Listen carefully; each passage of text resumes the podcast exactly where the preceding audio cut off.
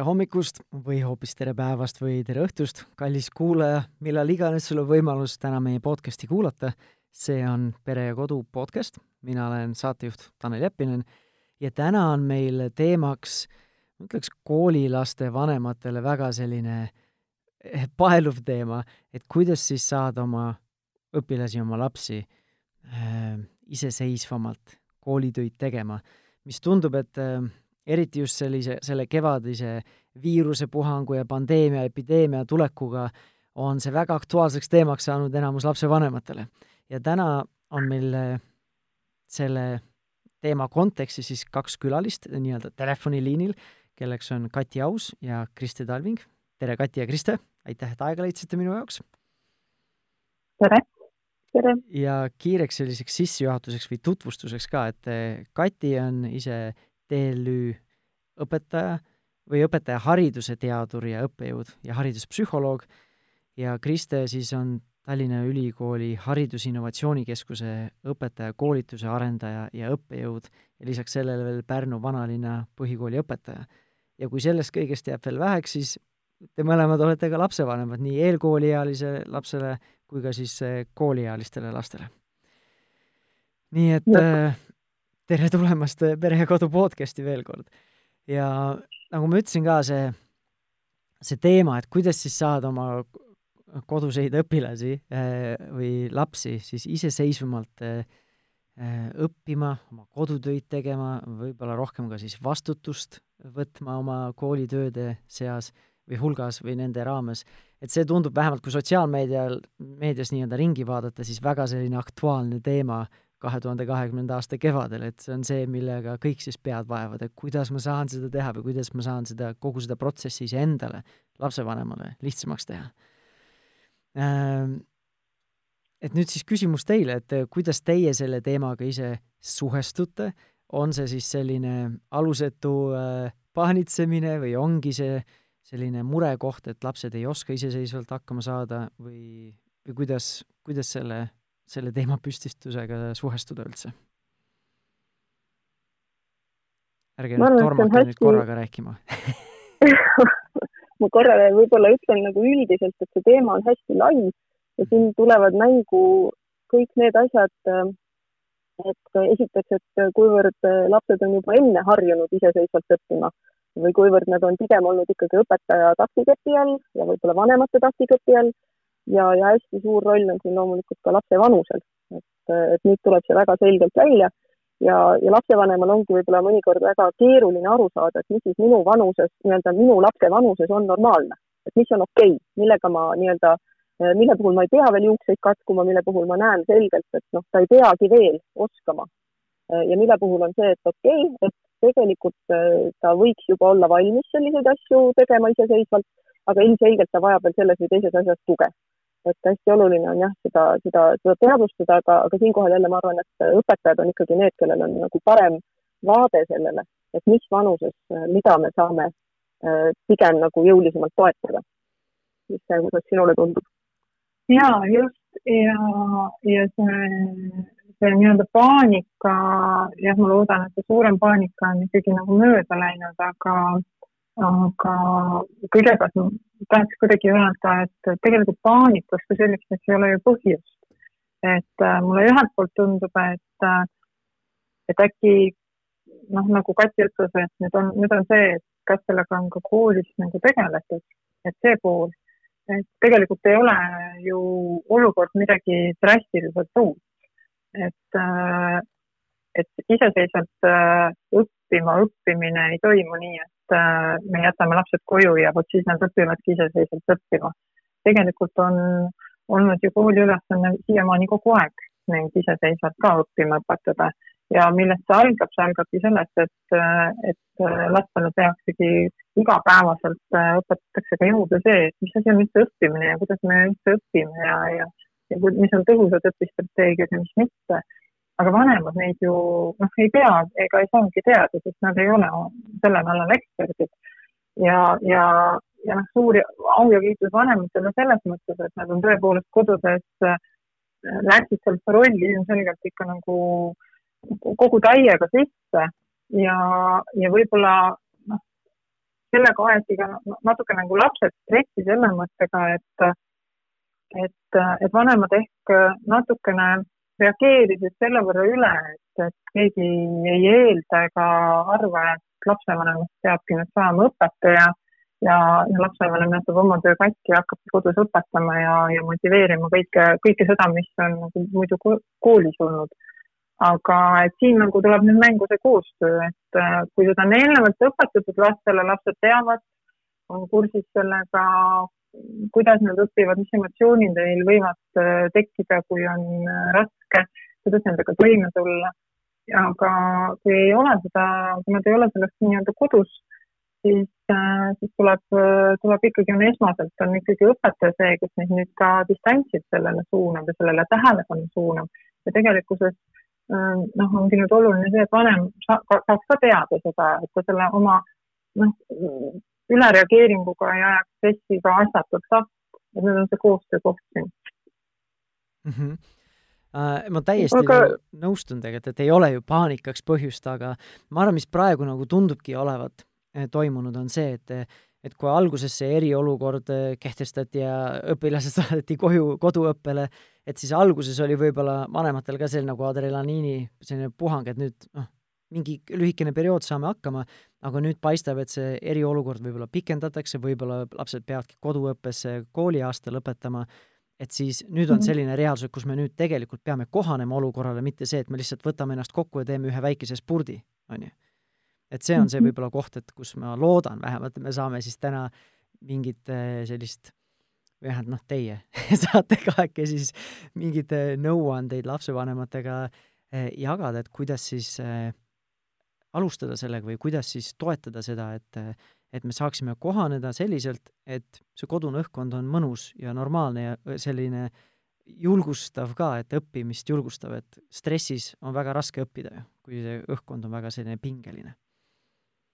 Võib-olla me võtame siis mingid äh, nagu põhilised punktid, mis, mis, mis nii-öelda, mis meil silma on jäänud, et. Äh, võib-olla tegelikult oleks hea alustada just sellest, et äh, millest alguses kohe üksteist äh, mainis, et nendest ootustest, et mis on tegelikult üldse realistlikud ootused, ütleme näiteks kooliastmete -hmm. kaupa, et mida see laps võiks olla võimeline iseseisvalt tegema ja mida lapsevanem võiks nagu oodata, loomulikult tuleb aru anda ka, et iga laps on ka erinev, et see on nagu mingi selline individuaalne vahemik või muutlikkus võiks nagu olla lubatud, aga mis selline, ma ei tea, kas saab mingit kuldstandardi panna, et milleks peaks olema võimeline algkoolilaps mingis vanuses, põhikoolilaps, teismeline ja nii edasi.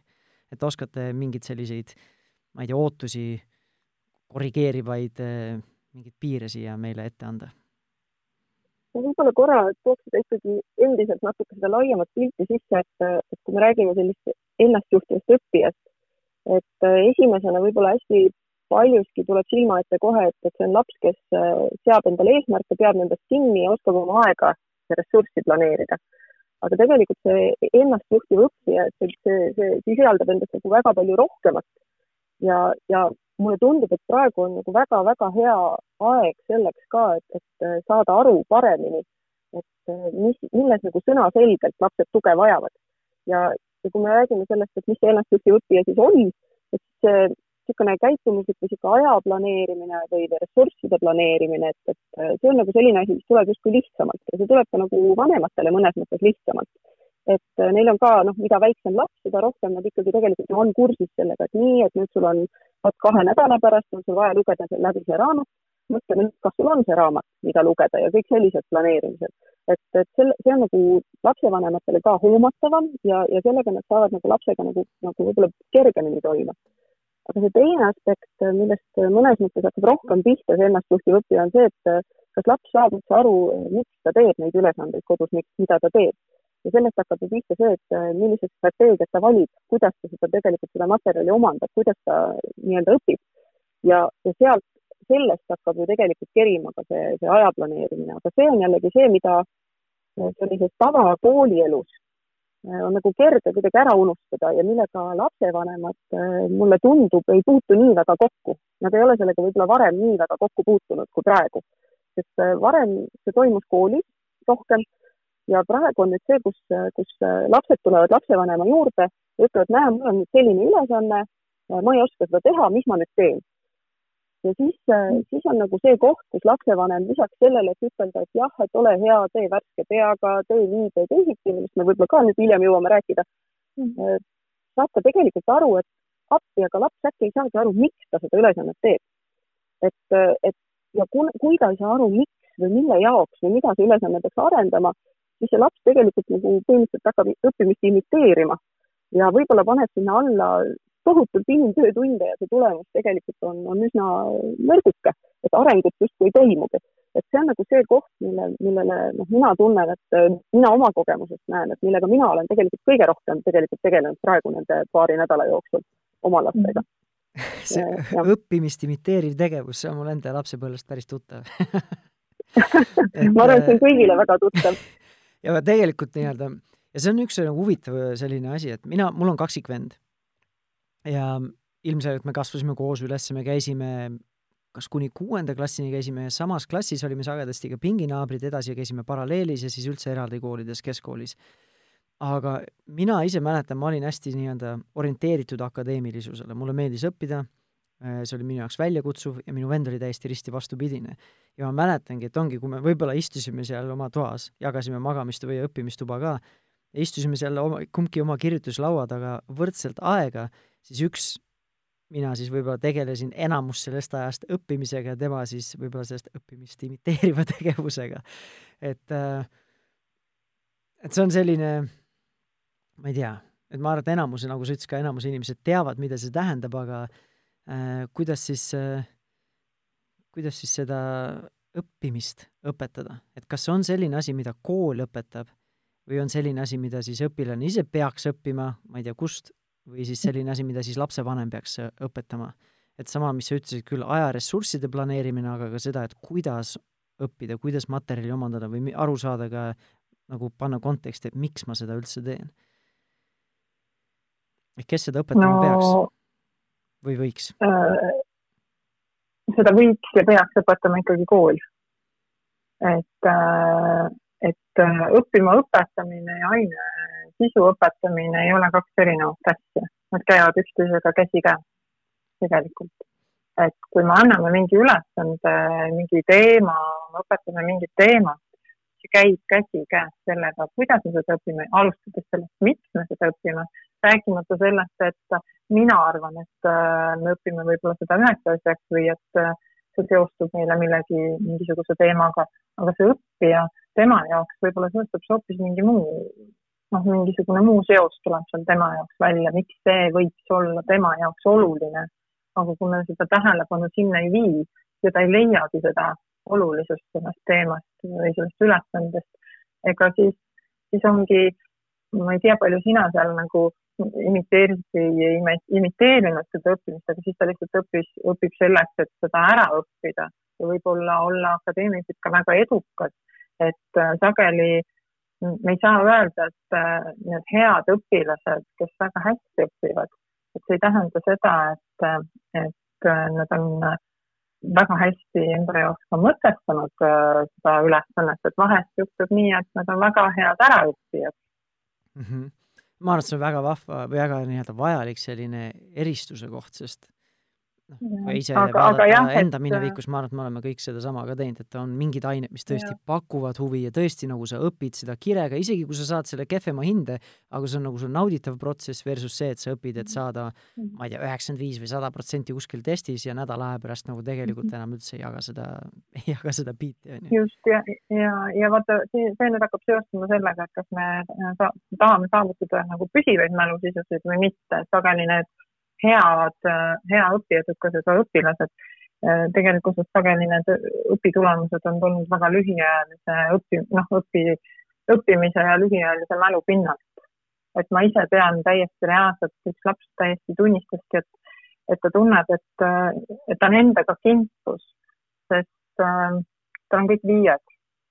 aga ta pigem õpib väga vahetult enne, sest tal on ta läheb väga hästi meelde nii ja ta teeb need tööd väga hästi ära, põhimõtteliselt õpib ta hinnast talle mm -hmm.. noh su, suurepärane, et see laps suudab ennast nagu analüüsida ja me saame sellest nagu rääkida, onju. aga, aga et need akadeemilised tulemused ja, ja püsivad mälusisude põhjal nagu õppimised, need ei pruugi alati nagu koos käia ja see algabki sellest, et kuidas õpetaja mõtestab seda üldse, mida ta annab. et äh, ka palju sa ikka teed seda, ma ei tea, palju sa teed neid asju, mille kohta sul puudub õrna aimus, mille, mille jaoks sa seda teed? Okei okay,, natukene teed, onju, saad mingi preemia millegi eest, aga, aga no kaua sa seda teed mm? -hmm. et kui see on nagu meie jaoks mõtestamata, siis sellest see kõik nagu algabki ja, ja seda mõtet, mõtestatust saab teha õpetaja ja tegelikult saab seda õpetaja teha ka distantsilt et see, et me oleme läinud distantsõppele, ei tähenda seda, et seda mõtestatust peaks tegema kodus, kodus lapsevanem. Et tegelikult saab seda õpetaja distantsilt samamoodi seda ülesannet mõtestada. Kirjalikult või, või suuliselt video kaudu, mis iganes, aga seda saab mõtestada, kas või küsida hiljem ka lastelt äh, nende, nende nagu sisulist mõtestatust, et kuidas sinu jaoks, miks sinu jaoks on oluline, panna nad nagu sellele mõtlema. Mm. -hmm see on üldse, kogu see teema minu, minu jaoks nagu avab üha rohkem ja rohkem tahke meie senise vestluse jooksul, et mind näiteks ise, minule äh, avaldab rohkem muljet see, kui sa rääkisid sellest õpilasest, et ta tõesti analüüsib ennast ja kahtleb, et kas see on õige tegevus, versus see, et ta saab vi-, saab viisi, sest äh, minu jaoks mm -hmm. viite saamine ei ole ka nagu probleem, kui tõesti see on minu jaoks eesmärk, on ju, või ei olnud mm. -hmm aga minu jaoks tekitab see juba küsimuse see, et enda kui lapsevanema ootusest, et kas on üldse siis nagu õige oodata, et laps saaks mul viisi igas aines, kui ta tegelikult, tal ei ole võib-olla huvi, on ju, eh, kõikide ainete vastu, kas ma pean ootama või, nõudma siis seda, et laps eh, esineks igas aines viimase peal kõige kõrgemal tasemel? nii äge küsimus su poolt praegu ja meil on Kristega selle, sel teemal jätkub meid juttu tõenäoliselt kuuks ajaks vähemalt. aga just täpselt see, et, et, et osaliselt me ikkagi hästi sageli tekitame ise ka lastes sellise tunde, et nad õpivad hinnete pärast. ja paraku on nii, et loomulikult ei ole midagi halba selles, kui sa tahad õnnestuda, see, see ei ole üldse probleem, aga hästi sageli ikkagi see, kui sa annad sellise hästi konkreetse tagasiside, viis, neli, kolm, siis meie aju teeb otsuse, et selge, sellega on korras, lõpetatud ja, ja ajul on väga palju lihtsam nii-öelda võtta endale sellised väga lihtsad eesmärgid. ja, ja mida rohkem me rõhume seda, see hinnetele suunatust, äh, seda, seda suurem on tõenäosus, et see muu sisu ja see arenguruum seal äh, jääb natuke tahaplaanile, mis tähendab, et me peame sellega topelt vaeva nägema, me peame sellega topelt tegelema. Äh, ja mina maadlen oma lastega igapäevaselt sellega, et rääkida neile, et see hinne ei ole oluline, ei minu jaoks ega tõenäoliselt ka õpetaja jaoks, et oluline on see, et kas sa said sellest asjast aru, mida sa sellest kaasa võtad, kuidas sa selle asja juures arenesid. Ja, ja tegelikult see, see mõtteviis ei jõua lasteni üldse mitte nii lihtsalt, et sellega tuleb ikka päris, päris kõvasti vaeva näha. ja ma, ma üldse ei süüdistaks selles lapsi, et see on lihtsalt see, kuidas meie aju töötab, et me võtame alati sellise lihtsama sihi, aju võtab lihtsama sihi. mis tähendab, et need asjad, mis on nagu hägusamad, on ju, et näiteks miks me seda ülesannet praegu teeme, mis on need oskused, mida sa siit saad arendada, on ju. miks on see, et sa nüüd alguses sul läks halvasti, on ju, hiljem tuli välja, miks see just on see iva, miks sa seda ülesannet teed. et mul on omal peas praegu ringleb nagu tohutult näiteid, mis meil siin viimase, iga päev juhtub meil neid asju, et noh, et minu jaoks nagu uurijana või hariduspsühholoogina on praegu nagu õudselt põnev aeg, kus ma näen sõna mm -hmm. otseses mõttes pealt seda, seda, seda õppimise protsessi. ja, ja noh, näiteks Äh, oli ülesanne vanemal tüdrukul, et äh, tee raamatust kokkuvõte. ja ikkagi, kui ei ole tema jaoks jõudnud kohale see, et miks sa seda raamatust seda kokkuvõtet teed, siis esimese hooga ta teeb selle lihtsalt ära. sõna otseses mõttes teeb lihtsalt ära ja ta teab, et kui tal on tehtud, siis sellega on seo. et ühesõnaga see, see, et tuua ta sinnani, et ta tõesti ka saaks sellest tegevusest midagi, et see nõuab äh, väga palju tööd ja väga palju selgitust ja see on nüüd see, miks äh, ma nagu õpetajatele väga paneksin südamele, et pigem rohkem kui vähem seda mõtestamist iga ülesande juurde, absoluutselt iga ülesande juurde. kas see on nüüd selle kinnistamiseks, kas see on uue harjutamiseks, kas see on nüüd selleks, et sa äh, nagu õpiksid analüüsima näiteks tegelaskujusid, selleks, et sul saaks tekkida arusaam sellest, kuidas teised inimesed toimivad, kuidas sina ise toimid ja nii edasi. et, et pigem rohkem sellist mõtestamist ja, ja, ja vähem nii-öelda ärategemist jah, et, äh, et siin tuleb sisse vaata see äh, Grete Lennik veel on rämpsmotivatsioonist ja kvaliteetmotivatsioonist, et, et need hinded on üks mõnus rämpsmotivatsioon. mis on hästi kerged, noh, millega on hästi kerge manipuleerida. aga mis tegelikkuses sellist sisulist tulemust nagu ei anna, sest et sa lõpuks hakkadki seda hinda pärast ära tegema. et, et nüüd ongi see, et jah, ilma hinneteta õpetamine, mis enamusest on ka nüüd praegu distantsõppes arvestatud, mitte arvestatud. et, et, et selle valguses on samamoodi vaja seda mõtestatust eriti palju ja, ja leida siis äh, teistsuguseid äh, motiva-, motivaatoreid kui ainult see hinne ja see nõuab rohkem tööd. aga kui mõelda, kui palju mõnusam tulemus sellel on ja kui palju tegelikkuses sellest võidab lõppkokkuvõttes tegelikult ka õpetaja, mitte ainult õpilane, siis võiks selle, sellega nagu vaeva näha ja, ja noh, olgem ausad, sellega ei peaks muidugi vaeva nägema mitte ainult praegu, vaid siis kogu aeg. korra tulen veel tagasi selle juurde, et Tanel, ütlesid, et, et kas ma siis pean tahtma, et, et laps teeks kõike, ka neid asju, mille vastu tal puudub huvi. et ma korra tuleksin ka selle juurde, et me teame, nii-öelda teadlased teavad seda, et sageli on nii, et huvi tekib siis, kui sul hakkavad tekkima sellised esimesed mõnusad taipamised sellest teemast. ja meie pigem alati soovitame ja mõtleme selle peale, et äh, kui on näha, huvi on hästi oluline, huvi on see, mis aitab tegelikult panna nii-öelda pead tööle. aga see huvi ei pea olema teema vastu. see huvi võib igas aines tekkida selle protsessi vastu näiteks. ja kui sa oled suutnud tekitada lapses huvi selle protsessi vastu, siis võib juhtuda, suur tõenäosus on, et teda hakkab ka see teema ja see aine huvitama. ehk siis sa ei pea panema kõiki lapsi huvituma matemaatikast, aga ma arvan, et ennast unustavalt võiks proovida teha nii, et laps hakkaks nautima protsessi selleks, et liikuda sinna suunas, issand, sain aru, ma sain lõpuks ometi aru. näiteks jälle eilsest meil näide, et, et tuleb noorem tüdruk mu juurde ütleb, et ta ei saa aru, mis on koondlause. definitsioon on ju õpiku sees, eks ole aga siis, kui me võtsime, et mis hetkel on koondlause, kas ta on liitlause, kas ta on lihtlause, mis hetkel on, saab liitlause, lihtlausest liitlause, kas koondlause on alati lihtlause või võib ta olla ka liitlause ja nii edasi ja nii edasi ja nii edasi. kui me niimoodi omavahel niimoodi põrgatasime neid mõtteid, siis järsku tal tekkis see suur ahaa, mis tähendab, et ta, teda ei pruugi üldse huvitada, kas see on liitlause või lihtlause, aga tal tekkis huvi selle, selle teadmise omandamise protsessi vastu. ta sai seda nautida ja ma arvan, et seda vajavad lapsed kõige rohkem mm. -hmm ma arvan, ja, ja see on see, mida saab kodus pakkuda. nii, jätka. et jah, et ja see on nagu see koht, mida sa saad nagu vanemana kodus ka nagu aidata, et mitte, et sa ei pea nagu reaalselt nagu matemaatikat ka oskama, vaid noh, et, et, et sa saad kodus ka selle, seda protsessi toetada vanemana lihtsalt mm. -hmm.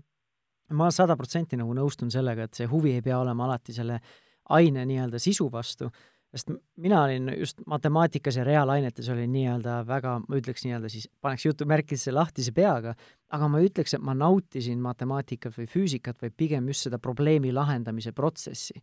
et nagu proovida ja vaadata, kas ma saan selle lahendatud ja nii edasi. et mitte just seda, et nüüd mulle hullult meeldivad numbrid ja asjad. ja see on siiamaani nii-öelda ettevõtjana, inimesena siiamaani mulle meeldib lahendada probleeme ja, ja nii edasi ja, ja äge on selle juures see, et me teame, et seda saab täiskasvanu kõrvalt väga edukalt toetada mm. -hmm. see, sinul võib-olla tekkis see kuidagi iseeneslikult mm, -hmm. aga me teame, et tegelikult sellist asja saab täiskasvanu toetada ja seda, seda oleks väga kasulik teha.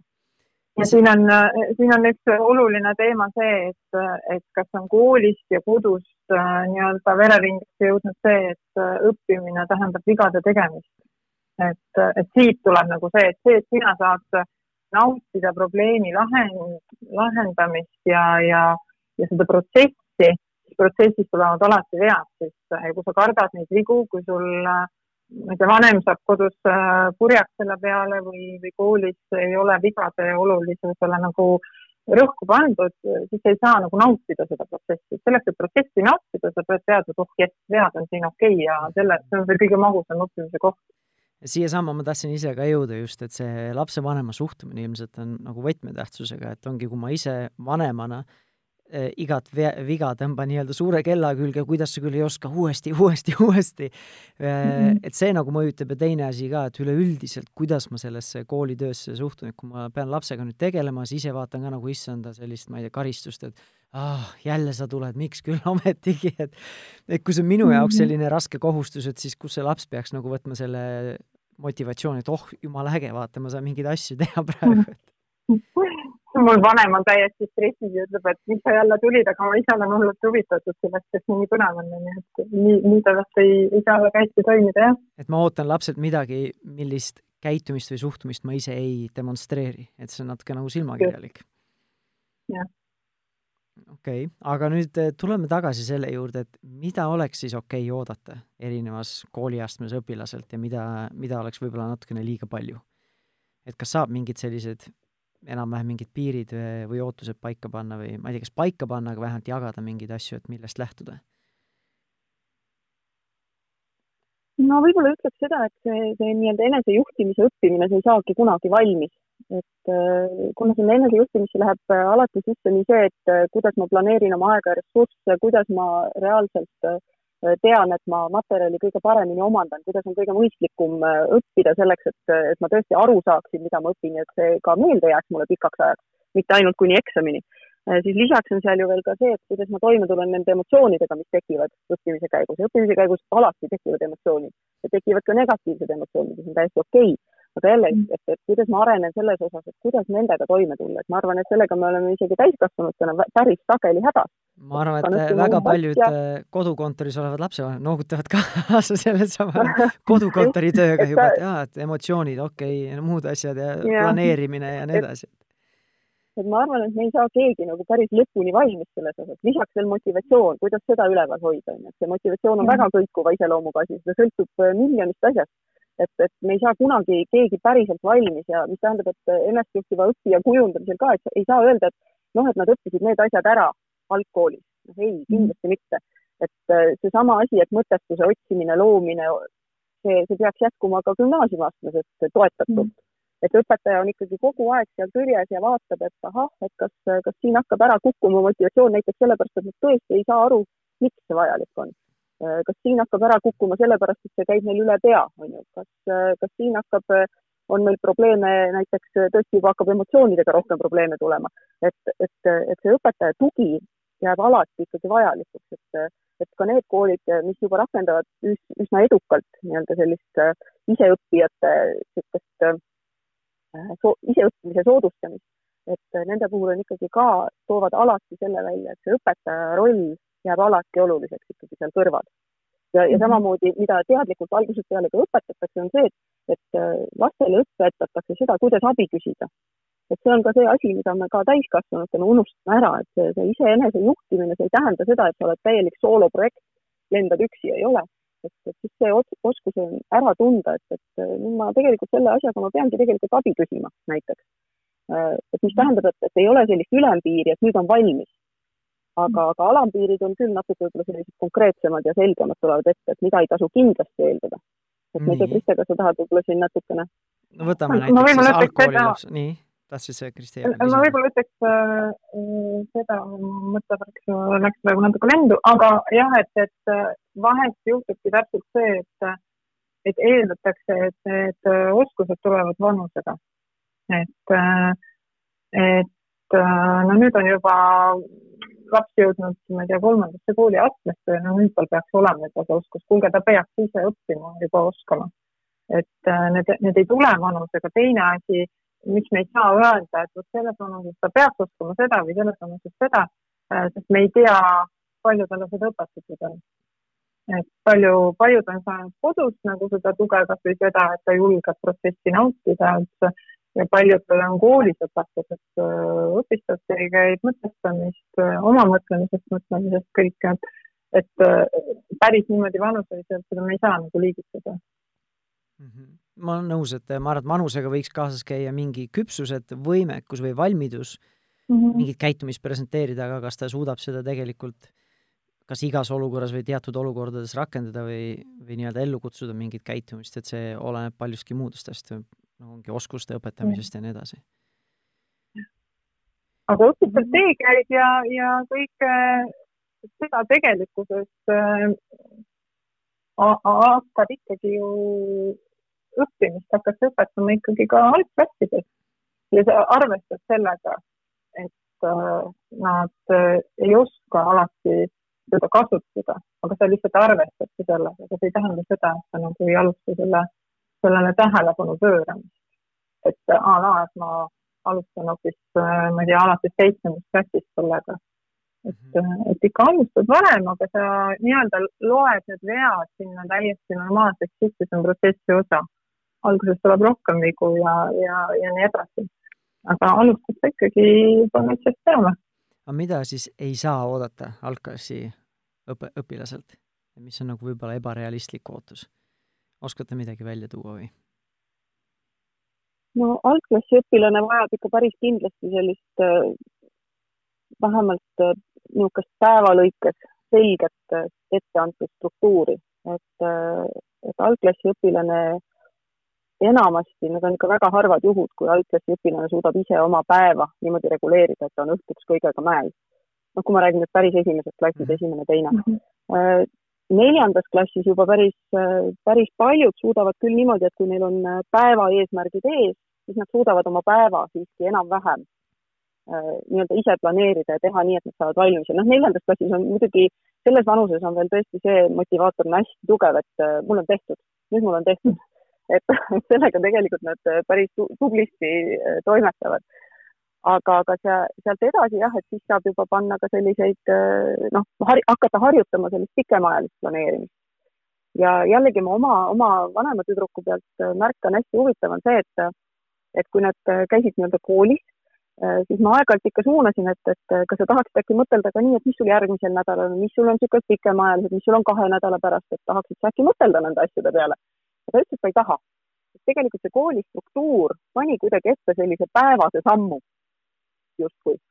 aga nüüd on ta hakanud iseseisvalt mõtlema rohkem selle peale, et mis on järgmisel nädalal, kuidas ma nüüd planeerin, et ma teen mingid asjad täna juba ära, siis mul on homme niimoodi ja teistmoodi. et mõnes mõttes see praegune olukord on võimaldanud rohkem harjutada sellist pikemaajalist ettevaatamist. et, et tõenäoliselt siis need esimese, teise, kolmanda klassi lapsed saavad rohkem harjutada sellist päeva, päeva raames mõtlemist ja seal mhm. juba, juba kuues-seitsmes seal harjutavad, noh, viies ka võib-olla niisugust nädala raames mõtlemist ja nii edasi. et see ongi täpselt tegelikult see harjutamise koht ja ma arvan, et siin ei ole niisugust üldreeglit, nagu Krista ennem ütles, et see sõltub sellest, mida nad on juba varem kogenud ja õppinud. et, et nüüd hakkabki see tunnetamine pihta, et tõenäoliselt need esimesed nädalad olid väga tugevalt selline tunnetamine, et kus äh, lapsevanemad, õpetajad, lapsed äh, vaatasid, et ahah, et kuidas me nüüd äh, oleme nii-öelda harjunud mõtlema ja mis asjad nüüd peaksid võib-olla natukene muutuma. jah, et mul kas või täitsa kohe tuli ühe näitena enda üks lapsevanem, kes ütles, et äh, kui ma küsisin, et kuidas teil läheb, ta ütles, et täiesti uskumatu, et kui ma muidu pidin kogu aeg näpuga järge ajama, kui ta koolis käis, et kas sul ikka kõik kodused ülesanded on tehtud ja ütles täiesti uskumatu, ta toimetab ise, ta, kõik on tehtud, ehk et seda väikest autonoomia tunnet oligi inimesel vaja, et, et mina olen oma päeva nii-öelda kost ja, ja, ja ilmselgelt tal oli nagu teoreetiliselt need oskused seal olemas, aga nüüd sai ta neid nagu reaalselt kasutada ja selline noh, puhkes nii-öelda õige sellega, et, et vanem ütles, et tema jaoks täiesti müstiline seis vaadata kodus sellist õppijat, et keda enne nagu ei olnud selles tavapärases koolisüsteemis. et ka selliseid näiteid on jah no selliseid edulugusid, nii-öelda edulugusid või häid asju peaks nagu ka jagama, et et ei oleks ainult ja. see, mis sotsiaalmeedias võib-olla kõige rohkem nii-öelda kõlapinda leiab, et oi kui raske, oi kui ma ei tea, mis iganes keegi tahab sinna öelda, et mm. -hmm. aga ma seda ütleks ka, et, et noh, ei tasugi arvata, et see ikkagi lihtne on kõigi jaoks ja alati. et, et isegi kui suures plaanis see on selline võimalus harjutada enesejuhtimist, siis see on selge, et, et sellega kaasneb nagu aeg-ajalt ka väga palju stressi, on ju, noh, me teame ju, et ega ei ole nii, et on perekond, kus ema on kodune, kõigil on oma arvuti, lapsi on võib-olla üks koolis, eks ole, et ikkagi enamasti on nii, et lapsi on mitu, arvuteid on vähe, kui me mõtleme, kuidas distantsõpe praegu on välja kujunenud, eh, vanemad üritavad selle kõige kõrvalt veel oma tööd teha, et see on selge, et, et seal seda stressi võib olla nagu päris, päris palju et sellepärast nagu ongi võib-olla ise ka hea nagu igal õhtul nagu endale meelde tuletada, et, et see olukord on praegu eriline, et võtta sellest seda, mis, mis saab ja, ja teada ka seda, et, et koolid tegelikult ei ole praegu nii-öelda orienteeritud sellele, et demonstreerida, et lapsed peaksid demonstreerima, kui hästi nad nüüd hakkama saavad. et me praegu kõik harjutame seda ennastjuhtivust enesejuhtimist, et, et me, me, see kool ei ole praegu see koht, kus me nii-öelda tuleme seal veebiseminarides kokku, demonstreerime seda, kui hästi me kõik hakkama saame.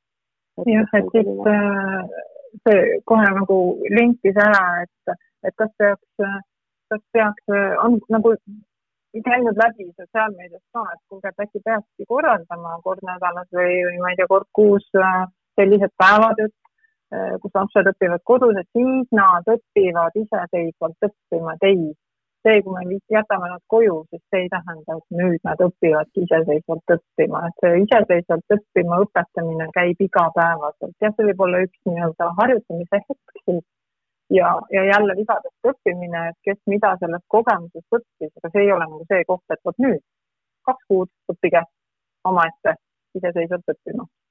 see, see, see on nagu vale arusaam. Jah, et see mõtestamine peaks ikkagi tulema suuresti siis õpetaja ja lapsevanema toel, et ennekõike siis ikkagi kooli poolt ka, et kuidas, kuidas sellest olukorrast nii-öelda kõige paremini välja tuua, tulla. Et praegu ei ole nagu nii oluline see, et kuidas need ainesisud saaksid edastatud, vaid pigem just see, et, et, et kuidas äh, lapsed äh, jäävad nii-öelda sisuliselt nende ainete külge, et kuidas nad tahavad edasi tegutseda ja toimetada nende asjadega. Ja ma arvan, et praegu on just äh, tulnud see ka välja, et, et kui õpetaja suunab õppimist, siis see arusaam sellest, et kus lapsed on parasjagu, et ikkagi noh, mina tean õppejõuna ja õpetajatena ka, meil on nagu sageli raske ise vähem rääkida ja lasta rohkem lastel rääkida ja tegutseda. Et praegu on jällegi ka see suurepärane võimalus, kus on võimalik lasta lastel tõesti iseseisvalt tegutseda ja vaadata, et ahah, et kus nad siis nagu tegelikult reaalselt on.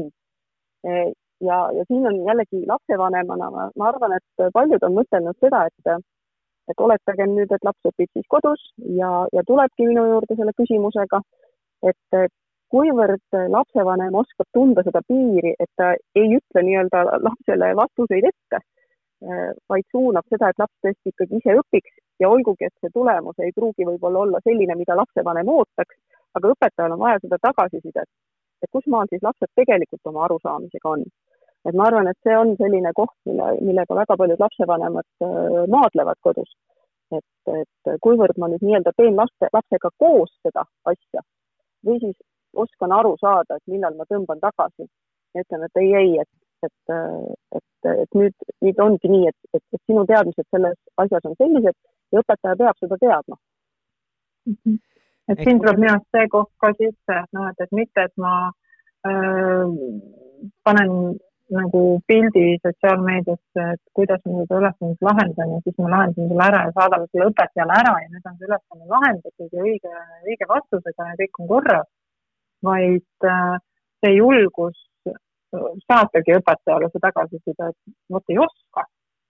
jess, et noh, et siit hakkab õppimine, ta ei oska seda, nüüd on minu koht sekkuda õpetajana, sest see laps seda ei oska. aga et, et seal ongi see, et kas kas on loodud see keskkond, kus õpilane julgeb seda teha või kas see vanem julgeb seda teha, et siin on võib-olla see koht. ja siin tundub jah, et lisaks sellele, et see õpilane või see laps siis võiks natukene rohkem või see võiks fookuse all rohkem olla, et kuidas iseseisvalt õppima õppida, siis samal ajal peaks siis lapsevanem õppima, et kuidas äh, last juhendada, et mitte ise üle võtta, ise neid ülesandeid ära, ära teha, et lapsevanem ise on mm nagu mhm. koolis juba käinud, et ta ei pea uuesti tegema seda neljanda või viienda klassi matemaatika ülesannet mm.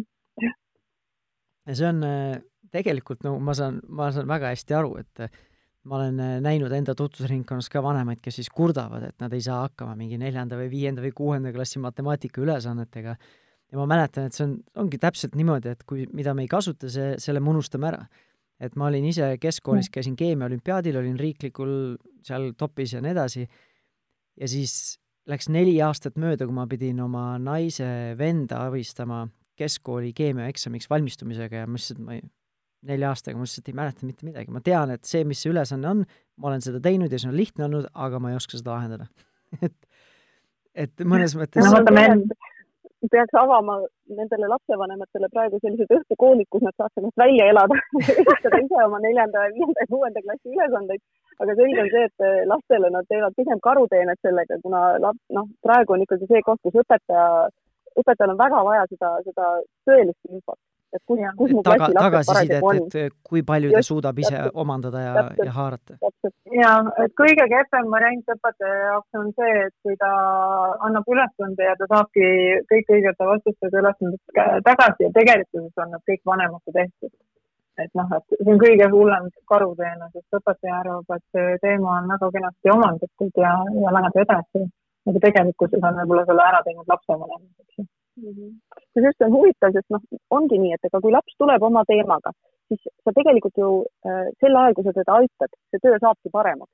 noh, sest mm -hmm. sa ikkagi ju selgitad talle, ta saab aru äh,, ta saab, äh, noh, tal tekivad mingid taipamised ja see töö saabki parem. aga mul on mm -hmm. ka mhm. alati selline tunne, et mul on, ma tahaks nagu kirjutada siis õpetajale, et noh, et jah, aga vaata, praegu mina aitasin tal mõtestada seda, et, et palun äh, kontrolli veel, on ju, anna veel neid ülesandeid, et, et seda võib-olla mhm. ikkagi päriselt veel ei ole et, et lapsevanemal on, on selline tunne küll aeg-ajalt, et, et, et tahaks, et õpetaja saaks selle reaalse pildi kätte, on ju, aga samas noh, ega ongi see, see tasakaalu tunnetamine, ma arvan, ongi lapsevanema jaoks väga raske praegusel hetkel. No.. aga ilmselt need hinded on ikkagi nagu sinnani viinud, vaata, et noh, et nii vanemad hoolivad nendest hinnatest kui lapsed hoolivad nendest hinnatest, sellepärast on minu arust nii mõnus ilma hinneteta õppida ja õpetada, õpetada et kui, kui öeldakse, et ilma hingusteta on raske motiveerida, siis minu arust ilma hinnastust on lihtsalt suurepärane õppida, lihtsalt hullult mõnus on. siis sa saadki õppida, mitte mõelda sellele hindele. kui ei oleks hindeid, siis vast ei oleks need vanemad ka nagu nii äh, entusiastlikud neid ülesandeid ära lahendama, et saaks need jumalast tehtud ja hästi tehtud. jah, et see, ma ise mäletan enda ajast ka, et et minu jaoks see arusaamine, et koolis me käime õppimas, mitte demonstreerimas, äh, kui head me oleme, et see arusaam tegelikult minuni jõudis alles siis, kui ma ise hakkasin uurima neid teemasid. kui ma hakkasin kirjutama oma magistritööd põhimõtteliselt.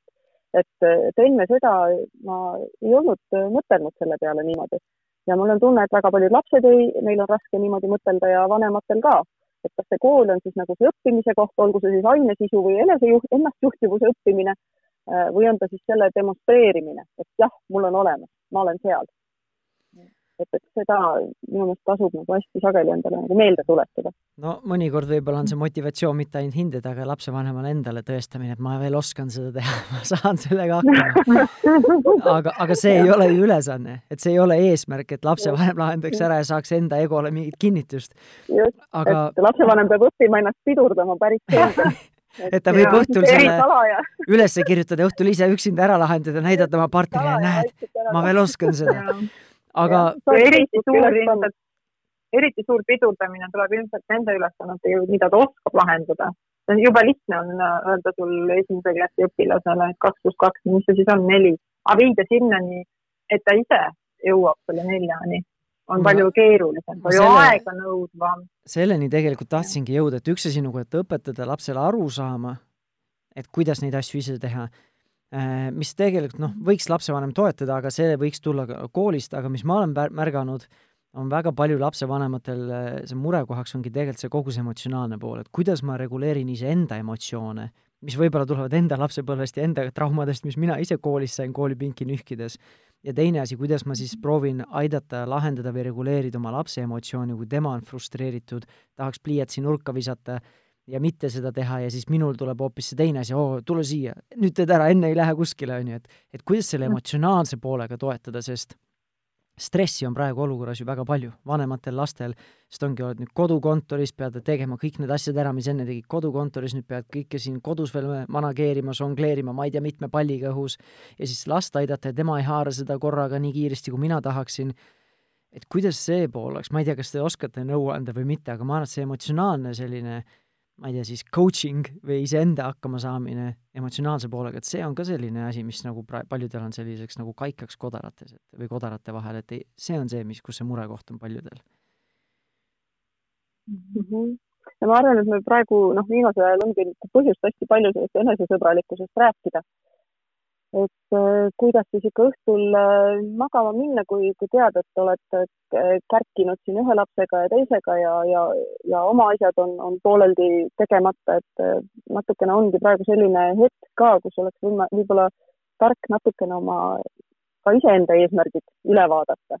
et ei ole võib-olla realistlik teha seda kõike, mida sa varem oled teinud, sellisel moel, nagu sa varem oled teinud, et anda nii-öelda lastele natuke rohkem hingamisruumi endale ka, et mitte midagi ei juhtu selle paari kuuga, selle hariduse omandamise mõttes et mhm. noh, ma ei räägi muidugi siin praegu nende, nende eest, kelle jaoks tõesti on oluline praegu kooli lõpetamise mured ja kõik muud sellised, aga olgem ausad, et, tavalise kooli mõttes, et see kaks kuud, sellest ei juhtu mitte midagi, kui me tegutseme siin rahulikult mingite teiste, teiste mõtetega natukene ja võib-olla isegi teeme sisulisemat õppetööd vahelduseks, nagu me harjunud oleme. võib-olla see ka, et noh, et selle emotsionaalse poolega, et noh, esiteks äh, ongi see, et ilmselt on vanemal äh, kergem selle emotsionaalse poolega hakkama saada, kui ta tegelikkuses teab, et õppimine toimub aeglaselt, et iga inimese võimed on arendatavad, mitte see, et okei okay,, sa nüüd ei oska, nüüd on maailma lõpp, nüüd on järgmine aasta on sul see matemaatika, ma ei tea, nelja asemel kolm ja, ja nii edasi kaks, on ju. et, et ta ei hakka nagu ennast ketrama, ta teab tegelikkuses seda, et kuidas õppimine toimub, et see toimubki aeglaselt, see on kõik okei okay,, need vead on okei okay, et, äh, et vahest ongi vaja pliiatsi, noh, sa viskad siis selle pliiatsi natuke, jumala hoidku mind õue. Äh, olgu siis niisama ja, ja, ja las tõesti nagu nendele emotsioonidele siis, siis lahtuda, mitte möllata sinna veel juurde, et ahah, viskasid pliiatsi nurka, et vot nüüd kolm tundi istud siin ja enne siit ära ei tule, kui see matemaatika on selge, onju et, äh, et see, seda poolt endas nagu, et kui ta teab nagu seda, et vahest peabki moodustama, vahest peab pliiatsi nurka viskama ja selle juurde pärast tagasi tulema, sest et see kõik võtab aega, õppimine võtab aega, et siis on tal endal ka võib-olla emotsionaalselt nagu kergem rahu säilitada ja selle ja, ja ütleme ka see, et noh, et, et, et äh, normaliseerida need negatiivsed emotsioonid, et, et ei saa minna positiivseks nipsust või ütlemise peale, et ära ole vihane, selle matemaatika peale, ma praegu olen hullult vihane selle matemaatika peale, ma tahan ära olla vihane lihtsalt, ole ära et noh, et see negatiivsete emotsioonide äh,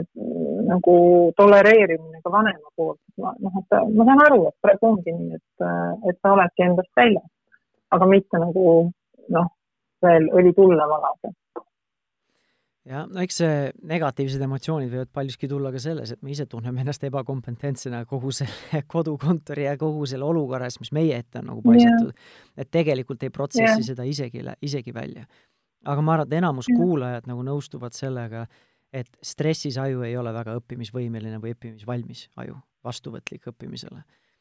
ma mäletan ise yeah. kas või keskkoolis eksamitel, et ongi see, et mingi oluline eksam no ma tean, ma tean seda vastust, aga ma ei suuda seda praegu pastakast välja imeda, jätsid selle vastuse tühjaks, mhm. tuled ka eksamiruumist välja ja siis kohe tuleb stressilangus ja siis tuleb pähe, ah, see oli see vastus ju, kuidas ma küll sellele pea, selle peale ei tulnud, et et stressis no, aju ei ole väga, ei ole väga ja. vastuvõtlik ja ei ole väga õppimisvõimeline. ma võin sulle tuua suuliselt eksamilt näite, et sul oli kirjalik, mina mõtlesin jumal tänatud, et mul suuline oli, mul tekkis tegelikult sama asi, must auk täielik et äh, ja, ja ma olin ka hullult õppinud, aga vaata kirjalikult sul ei saa nagu ühelt poolt või teiselt poolt läheneda, mida saab ka vanem kodus praegu või õpetaja koolis või, või, või nagu praegu distantsilt teha. et, et tegelikult on see teadmine olemas, aga see viis, kuidas sellele läheneda üritatakse, ei olnud hetkel sinu jaoks just nagu see, mida vaja oli. et minul suulisel eksamil õppejõud äh, hakkas äh, suunama teistest äh, nii-öelda teistest aspektidest, aga, aga siitpoolt räägi sellest. ma rääkisin lõpuks kõik ära, kõik, mida, lõpuks ta ütleski, et aga sa teadsid seda ju ideaalselt. aga et, et samamoodi see stress läks maha. see hetk oli see stress, sest ma ei tea seda vastust appi, aga ma olen seda ju tegelikult õppinud, nagu sinagi olid õppinud, onju. ja pärast läksid välja ja ütlesid, et oh, ma teadsin seda vastust. aga et kodus samamoodi, et äh, et saab äh, rahu säilitades nii-öelda suunata erinevatest kontekstidest mingi teadmise juurde läheneda, aga see rahu on selle juures hästi oluline, et siit hakkab nagu tulema, ketrama, ahah, tuleb meelde küll. ja see on võib-olla omaette selline hea õpetamise koht lapsele ka, et, et kuidas disainida oma sellist õppekeskkonda või mitte õppekeskkond, õppimiskeskkonda, aga ka oma seda meelsust, et ma olen ise valmis õppimiseks et kui ma olen naisega ise mingi suure tüli maha pidanud siis ma lähen tööd tegema, ma ei ole väga produktiivne. Sest pinged ja hormoonid tõmba, tõmblevad ja nii edasi, et et siis samamoodi lapsele ka, et, et ta ise õpiks võib-olla ennast juhtima selle koha pealt, et näed, et nüüd ma olen nii-öelda tippvormis õppimise koha pealt, see on see aeg nüüd, kus ma saan palju asju ära teha, no vanema lapsega seda saab ilmselt paremini teha. Ja siis -hmm. nüüd, kui mhm. ma olen pingis ja stressis, siis ma peaksin proovima sellega tegeleda, selle asemel, et kangutada seda kahte matemaatika ülesannet kaks tundi, kui ma muidu teeksin selle viieteistkümne minutiga ära võib-olla. jaa, kusjuures praegu on veel hästi huvitav, on see, et et me oleme jällegi harjunud mõtlema õppimisest, et see on selline asi, mida igaüks siis kangutab üksinda aga jällegi, et, et tegelikult on selline koosõppimine sisulises mõttes ikkagi väga-väga kasulik ja praegu ma tean, et on, on õpetajad, kes lausa suunavad õpilasi praegu distantsõppel ka õppima nii-öelda koos. Ja, ja meil on kujunenud ka niimoodi, et vanem tüdruk õpib oma pundiga ja, ja nad ei tee seal niisama tilulilu, et nad tõesti sõna otseses mõttes arutavad, õpivad, räägivad. Et ma arvan, et see nagu sisulise õppimise osas on see isegi palju tõhusam kui see, mida nad klassiruumis tavaliselt teevad. Ja, ja ma, ma, ma imestan kõrvalt, et kui palju nad tegelikult on õppimise juures mõttega. ja selline üksteisele seletamine, üksteise mõtete kuulamine, et kuidas sina sellest aru said, kuidas sina, ei, mina sain sellest niimoodi aru. see on tegelikult nii, nii kasulik ja, ja ma arvan, et, et seda võiks nagu vanemad ka ise soodustada et, et eriti veel eelteismeeas ja teismeeas on see, see omavanustega suhtlemine on, on väga kasulik nii ehk naa või väga vajalik ja nad tahavad seda teha nii ehk naa. Aga et, et kui veel siduda see sellise kooli teemadega, siis ma arvan, et see on nagu täiesti selline win-win situatsioon. et, et nad tõesti õpivad rohkem ja sügavamalt, kui nad üksteise mõtteid kuulavad ja nad saavad ka selle hästi vajaliku sellise sotsiaalse seotuse et vanemana mm. kindlasti ei tasuks seda nii-öelda ära keelata, et nii, nüüd on sul õppimise aeg, pane oma telefonid kinni, ei suhtle kellegagi. Et noh, ma pole kindel, kas seda üldse nii palju tänapäeval ongi, aga, aga, aga, aga võib-olla isegi aeg-ajalt tuleb ette. Mm.. nüüd, kui meil ootamatult on meil juba üle viiekümne minuti mööda läinud, et äh, kui me hakkame joont alla tõmbama ja me rääkisime, selline üleüldine teemapüstitus oligi siis lastele õpioskuste õpetamine, et nad oleksid rohkem iseseisvad õppijad, suudaksid ennast paremini juhtida, et kas kumbki teist või mõlemad või ta-, tahate natukene kas midagi kokku võtta, midagi ekstra veel rõhutada või jäi midagi olulist veel ütlemata, mida siin lõpus tahaks eraldi veel välja tuua? võib-olla ütleks kokkuvõtlikult jah, et, et see, see ene, enesejuhtimise õppimine, et see on täpselt sama nagu kõik muu õppimine, et see tuleb samm-sammult, see võtab aega ja see enamasti ka seda õpitakse läbi vigade, et äh, sa astud jälle ämbrisse, aga pärast pead ka analüüsima, et äh, mida saaks teisiti teha ja mida ja selleks on vaja seda ikkagi kas õpetajat või vanemat sinna kõrvale. et need ämbrid ei jääks lihtsalt ämbriteks, vaid, vaid nendest oleks nagu võimalik ka õppida.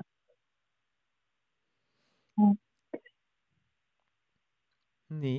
ja, ja võib-olla seda, et, äh, et kui tegelikult oleme siin viimasel ajal teinud äh, nii õpetajatele, lastele kui, kui ka lapsevanematele mõnusaid äh, interaktiivseid koolitunde õppimise teemal, motivatsiooni teemal ja nende sama planeerimise teemal, et noh, põhimõtteliselt kõik teemad, millest me natuke põgusalt täna jõudsime rääkida. et tegelikult on need live, live koolitunnina Youtube'is täiesti olemas, et kui te sisestate Youtube'i äh, otsingusõna live koolitund, live ja et siis äh, Haridus-Teadusministeeriumi äh, Youtube'i lehelt peaks need kolm seni toimunud kolm äh, koolitundi kõik välja tulema, aga et neid, need toimuvad veel edasi, et iga neljapäev siis üheteistkümnest kaheteistkümneni Telia Inspira kanalis ja siis Youtube'is on need, on need toimumas, et tegelikult on sinna kaasatud ka õpilasi ja, ja, ja lapsed toimetavad tegelikult praegu hästi paljus kooliti, et ongi näiteks inimeseõpetuse õpetaja ongi andnud ülesandeks vaadata seda tundi ja siis käsitletaksegi neid õppimise, õppima õppimise teemasid. et äh, ma arvan, et sealt on üles noppida ka lapsevanematele palju mõtteid, soovitan neid siiralt vaadata mm. -hmm. ja see oli siis live koolitund, live koolitund ja kanal on siis Haridus- ja, ja Teadusministeerium? just mm. -hmm. ma leidsin ise üles, loodetavasti leiavad äh, kuulajad ka.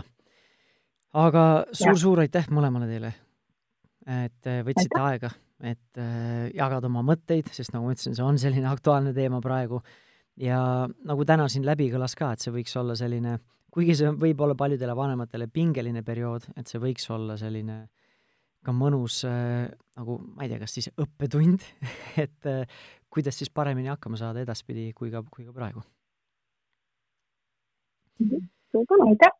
nii, et kuulajale ka, et selleks korraks täna kõik. täna oli meil külaliseks äh, Kati Aus ja Kristi Talving äh, Tallinna Ülikooli eri, haridusteaduskonnast või Haridus- ja Innovatsioonikeskusest ja rääkisime siis õpioskuste õpetamisest ja enesejuhtimisest ja kui see tänane podcast oli sulle huvitav või meeltmööda, siis kindlasti vaata ka meie eelmiseid podcast'e, meil on nii-öelda jutumärkides arhiivis juba kümneid ja kümneid podcast'e, alates laste kasvatamisteemadel, paarisuhtest äh, ja muudes, muudel teemadel kõik, mis sinna nende vahele mahub. ja need varasemad saated leiad kas oma nutitelefoni podcasti rakendusest või äpist, Spotify'st või ka Delfi ning Perekodu veebiväljaandest ja kui sa juba oled suur podcasti kuulaja, siis kindlasti viska silm või kõrv peale ka minu sooloprojektile Rahumeelse vanemluse podcastile. aga aitäh sulle kuulamast ja järgmise korrani, tšau!